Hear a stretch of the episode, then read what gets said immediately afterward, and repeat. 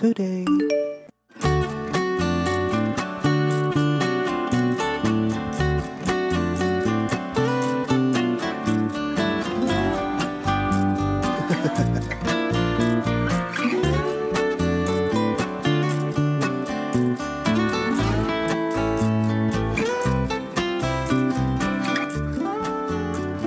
yes.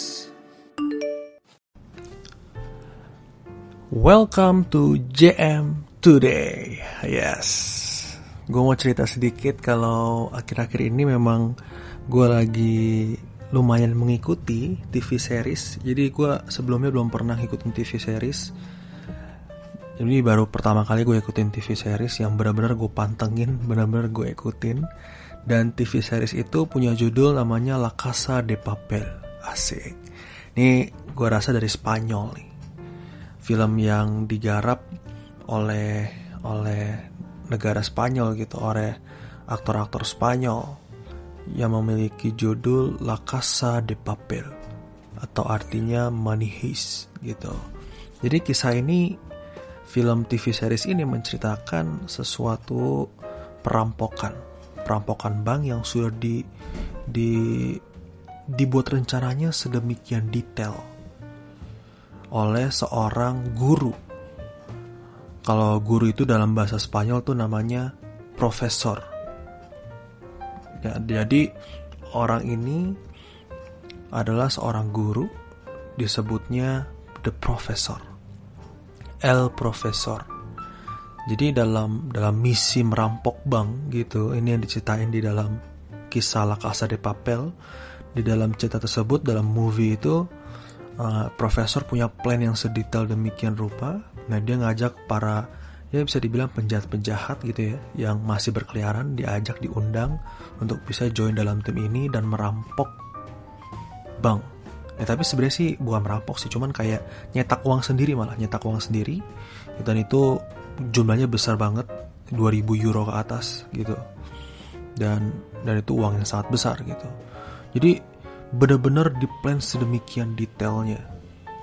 Dan memang di dalam peraturan movie tersebut, profesor bikin peraturan nggak boleh ada namanya uh, apa? Uh, kita nggak boleh tahu nama masing-masing setiap anggota. Kemudian yang kedua nggak ada hubungan personal gitu kan. Nah yang ketiga gue lupa, tapi intinya ada dua hal itu yang penting. Jadi nama mereka itu nama para anggota jahat-jahat ini, para anggota-anggotanya itu pakai nama kota. Ada namanya Tokyo, Nairobi, Helsinki, Berlin, Moskow, Denver gitu kan.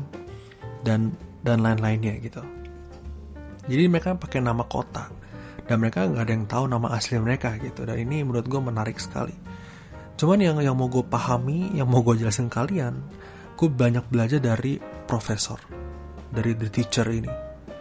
Teacher ini tuh dia gila, gue sih agak lumayan amazed ya. Wah gila nih orang keren banget nih. Taktiknya dalam merampok, taktiknya dalam mengelabui, mengelabui polisi gitu kan. Dalam dalam tindakan investigasi, dalam hal penawaran, sandra dan segala macam. Wah gila, ini luar biasa banget. Kalau lu yang udah 18 plus ke atas, mungkin ya gue saranin boleh lah nonton gitu ya. Tapi jangan sampai kecanduan, nanti jadi kecanduan lagi. Nonton terus, nonton terus, jadi kagak bertanggung jawab sama kerjaan-kerjaan lain gitu kan. Jangan. Buat lu yang 18 plus ya, gue saranin sih nonton bagus. Judulnya La Casa de Papel, Money Heist. Itu dia di Netflix adanya. Keren banget filmnya. Oke, kita balik ke topik ya. Jadi, The Professor ini dia udah planning secara detail rencana dalam memasuki bank percetakan Spanyol. Jadi di bank ini tuh uh, ini tuh kayak apa ya? Kayak seperti pabrik ya, pabrik mencetak uang gitu. Jadi udah plan segala macamnya. Nah di dalam situasi-situasi tertentu memang situasinya nggak berjalan dengan baik. Maksudnya rencananya nggak berjalan dengan semulus yang dipikirkan. Pasti ada gejolak-gejolak emosi, konflik dan segala macamnya. Cuman yang yang hebatnya profesor itu tetap stick on a plan, tetap stay dalam plannya. Dan dia teduh sekali. Dia teduh sekali. Ada konflik di dalam bank gitu ya.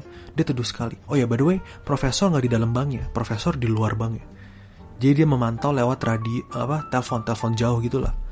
Jadi dia radio dia ngomongnya dari radio gitu. Dan pakai suara-suara kayak robot-robot gitu. jadi pokoknya murni profesor nggak di bank itu. Dia cuma mandu dari dari jauh. Makanya mungkin banget terjadi konflik. Karena kan di situ kan penjahat-penjahat semua yang ngurusin ya gak sih? Gampang ada yang emosi ada yang gampang terluka dan segala macam. Jadi ada konflik lah pasti. Nah profesor itu dia teduh banget. Dia sangat pemikir. Dan ini yang bisa kita ambil di di dalam kehidupan kita sebenarnya. Kalau gue sih dapetnya ya dari kisah Money gitu ya. Dari kisah El Profesor ini si the professor ini. Dia tuh yang pertama dia punya strategi. Selalu punya strategi yang hebat. Dia memikirkan segala sesuatunya. Yang kedua dia teduh ketika ada dalam konflik-konflik. Dia teduh dia tenang. Dia mikir dia tenang. Terus dia ambil solusi. Gitu nah kedua hal ini bisa kita pelajari sebagai orang Kristen sebenarnya yang pertama adalah profesor itu dia punya strategi, punya plan yang matang. Sama seperti kita anak Tuhan kita pun juga hidup seharusnya memiliki strategi yang matang. Strategi yang matang, plan yang terukur, dan kita harus berhasil. Supaya apa? Supaya kita punya hidup juga, ya hidup kita jadi apa ya? Jadi ter, jadi punya goal, jadi punya tertuju gitu. Secara umum jelas, goal kita, strategi kita adalah bagaimana kita bisa menyenangkan Tuhan. Strategi kita bagaimana kita bisa mengalahkan iblis. Strategi kita adalah bagaimana kita bisa mengalahkan uh, kedagingan kita. Itu strategi umumnya. Strategi khusus ya pasti kalian harus mikirin bagaimana masa depan kalian ya kasih dan segala macamnya. Tapi intinya harus ke dalam strategi umumnya. Bagaimana kita nyenengin Tuhan, bagaimana kita kalahin iblis. Bagaimana kita kalahin daging kita itu umumnya. Kalau secara khusus ya kalian akan temukan sendiri dalam kehidupan pribadi kalian masing-masing. Gitu kan? Dan itu juga butuh pergumulan. Lo harus bawa ke dalam Tuhan Jangan mikir plan sendiri, jangan punya visi sendiri. Kita hidup harus digerakkan dengan visi Tuhan, digerakkan dengan kemauan Tuhan, sehingga kita mencapai kepada strategi yang pertama apa? Menyenangkan Tuhan dan mengalahkan iblis pastinya. Jadi kita tuh harus punya pola pikir yang selalu berpikir. Kita harus punya apa ya karakter yang selalu berpikir bagaimana ya cara nyenengin Tuhan. Harus dipikirin terus lewat pembelajaran firman Tuhan, lewat berdoa setiap hari harus dipikirin Gimana caranya dengan Tuhan ya? Tuhan apalagi yang kurang ya? Apalagi yang masih tersisa dalam hidupku yang belum Tuhan ambil? Lo harus pikir itu semata-mata mungkin. Terus kalau lo jatuh dalam dosa, lo harus mikir lagi. Aduh kenapa aku bisa jatuh dalam dosa ini ya? Apa yang menyebabkan aku jatuh dalam dosa ini? Gimana caranya biar aku gak jatuh lagi? Wah, lo harus pikirin sedetail-detailnya. Karena itulah yang justru menentukan keberhasilan lo sebagai anak Tuhan. Itu menentukan keselamatan lo loh asli. Ini menentukan bagaimana lo akan masuk surga atau neraka. Lo ketemu Tuhan atau enggak. Dan menurut gue ini penting banget buat kita pikirin gitu. Jadilah orang yang pemikir. Mikirin perasaan Tuhan. Ya gak sih? Dan kalau lo mikirin perasaan Tuhan, lo pasti mikirin perasaan sesama lo, ya gak sih? Karena firman Tuhan bilang, kasih Tuhan alamu dengan segenap hatimu, jiwamu, ya gak sih? Akal budimu, kekuatanmu. Kemudian apa? Kasihlah sesamamu seperti dirimu sendiri. Ini dua hukum yang gak bisa dipisahin guys. Lo mengasihi Tuhan, lo pasti mengasihi diri lo, dan kemudian lo mengasihi sesama lo. Kalau lo mengasihi Tuhan, pasti lo mengasihi diri lo. Artinya lo gak membiarkan diri lo binasa. Lo gak membiarkan diri lo dimakan, digerogoti oleh dosa.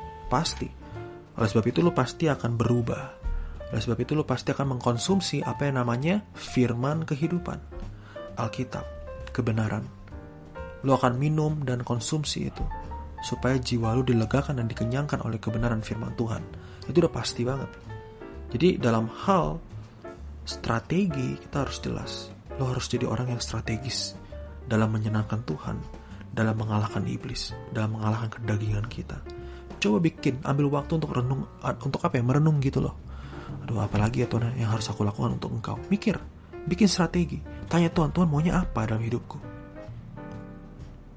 Jadi Jangan sampai kita cuma mengalir, mengalir bersamamu di dalam da da da da na na na na na na na na na na na na na na mengalir ya mengalir mengalir mengalir mengalir ke mana nih kalau mengalir ke laut kalau mengalir ke comberan gimana ya gak jangan mengalir harus ada plan harus ada visi harus ada strategi tapi semua harus dibawa ke dalam tangan Tuhan jangan sampai plan-plan lu, strategi-strategi lu hanya berdasarkan pemikiran alkali lu sendiri.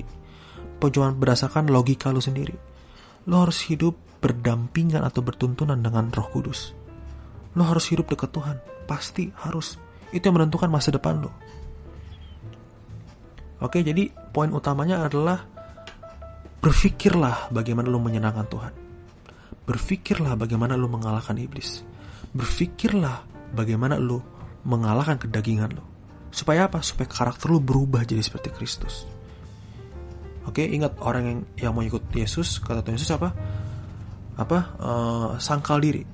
Itu kata Alkitab, sangkal diri. Barang siapa yang mau, mau memelihara nyawanya, dia akan kehilangan nyawanya. Tapi barang siapa yang mau kehilangan nyawanya karena aku, dia akan mendapatkan nyawanya. Ngerti gak sih maksud nyawanya itu? Kesenangannya. Jadi penting banget buat kita untuk ngerti hal ini. Oke? Okay? So, pikirin. Pikirin apa yang mau lo lakuin buat Tuhan. Pikirin apa yang Tuhan mau dalam hidup lo. Buatlah strategi. Gue harus jadi orang berhasil untuk Tuhan. Gue harus jadi orang sukses untuk Tuhan. Bukan untuk diri sendiri ya. Hati-hati loh. Jadi penting banget kita untuk berpikir secara strategis. Oke, okay? yang kedua kita bisa belajar dari profesor dari bagaimana dia teduh dalam dalam mengatasi konflik-konflik yang ada. Wah gila dia hebat banget asli. Dan dan di film itu dia kayak setiap ada konflik atau dia mau ketemu orang atau mau ngobrol atau in, ngobrol ke polisi gitu ya, bikin apa suatu suatu apa negosiasi gitu ya, dia tuh selalu mainin namanya origami. Wah gila itu sih keren banget tuh kayak seni gitu sih dia kayak mainin origami sambil ngomong ya, apa ngomong negosiasi sama polisi. Nah menurut gue itu tenang banget ya. Nah dalam kehidupan kita sebagai orang Kristen ketenangan kita itu penting. Keterangan kita dalam mengatasi konflik yang ada atau masalah yang ada itu penting. Kenapa? Karena ketenangan itulah yang akan membuat kita peka atas apa yang ingin Tuhan ajarkan lewat peristiwa tersebut Tahu gak kenapa orang bisa stres ada masalah? Karena dia gak ngerti firman Tuhan. Firman Tuhan bilang begini, kita tahu sekarang bahwa Allah turut bekerja dalam segala sesuatu mendatangkan kebaikan bagi mereka yang mengasihi dia. Roma 8 ayat 28. Ngerti? Oke, coba gue ulangi lagi ya. Allah turut bekerja dalam segala sesuatu, include termasuk masalah lu, termasuk konflik yang ada. Oke?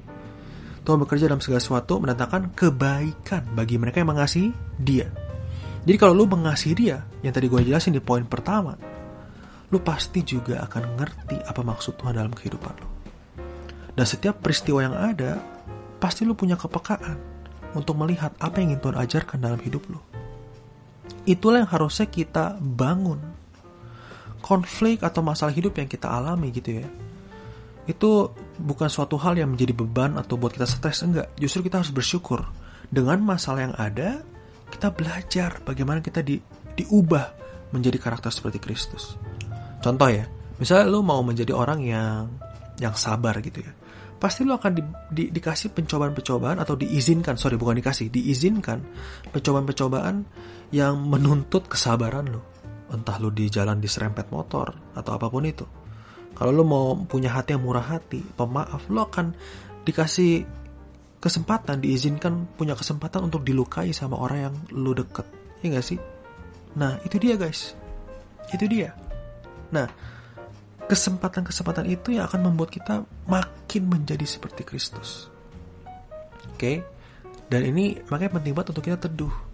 Orang yang teduh waktu dalam masalah ya dia pasti ngerti firman Tuhan. Dia ngerti ayat Roma 8 ayat 28 dia ngerti pasti. Kenapa? Karena dia tahu masalah ini justru membentuk gue Justru lewat masalah ini gue makin dekat sama Tuhan. Gue makin ngerti apa maksudnya Tuhan.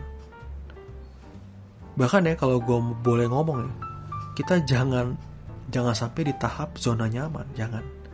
Justru kalau kita nggak ada masalah, minta bantuan masalah gitu loh. Karena justru itu yang yang bikin kita sempurna, itu bikin kita apa ya terasa karakter kita. Wah gila. Dan itu ya, itu tuh bikin kita kayak kayak punya damai sejahtera yang luar biasa ketika kita bisa teduh dalam menghadapi masalah. Kedamai sejahtera itu yang menurut gue luar biasa. Keteduhannya. Waduh, kita akan jadi orang-orang yang hebat. Walaupun kita masih muda, kita punya emosi yang dewasa. Kita punya karakter yang dewasa. Wah, dan itu pasti menyenangkan Tuhan. Oke? Jadi, itulah yang gue mau sharing sharing ke kalian gitu kan. Bagaimana apa yang gue dapet dari karakter profesor di film Money Heist atau di film La Casa de Papel. Wah gila ini film yang keren banget. Kalau lu punya waktu boleh lu tonton, tapi kalau lu belum 18 plus, gue saranin tahan dulu aja, santai dulu aja. Uh, nanti tunggu 18 plus aja gitu karena ada beberapa scene yang memang dewasa punya gitu. Uh, jadi ya gue saranin sabar lah, ya sabar, sabar, tunggu tunggu umur, tunggu umur yang cukup. Kan lu bisa denger dari cerita gue juga gitu kan. Oke, okay? uh, itu aja yang mau gue ceritain hari ini. Dan izinkan gue untuk mengucapkan sampai jumpa dalam bahasa Spanyol. Asik, karena kan film La Casa de Papel ini pakai bahasa Spanyol kan. La Casa de Papel juga ngomongnya harus pakai agak logat-logat Spanyol. La Casa de Papel. ya, oke. Okay? Oke, okay, see you and adios. Bye-bye.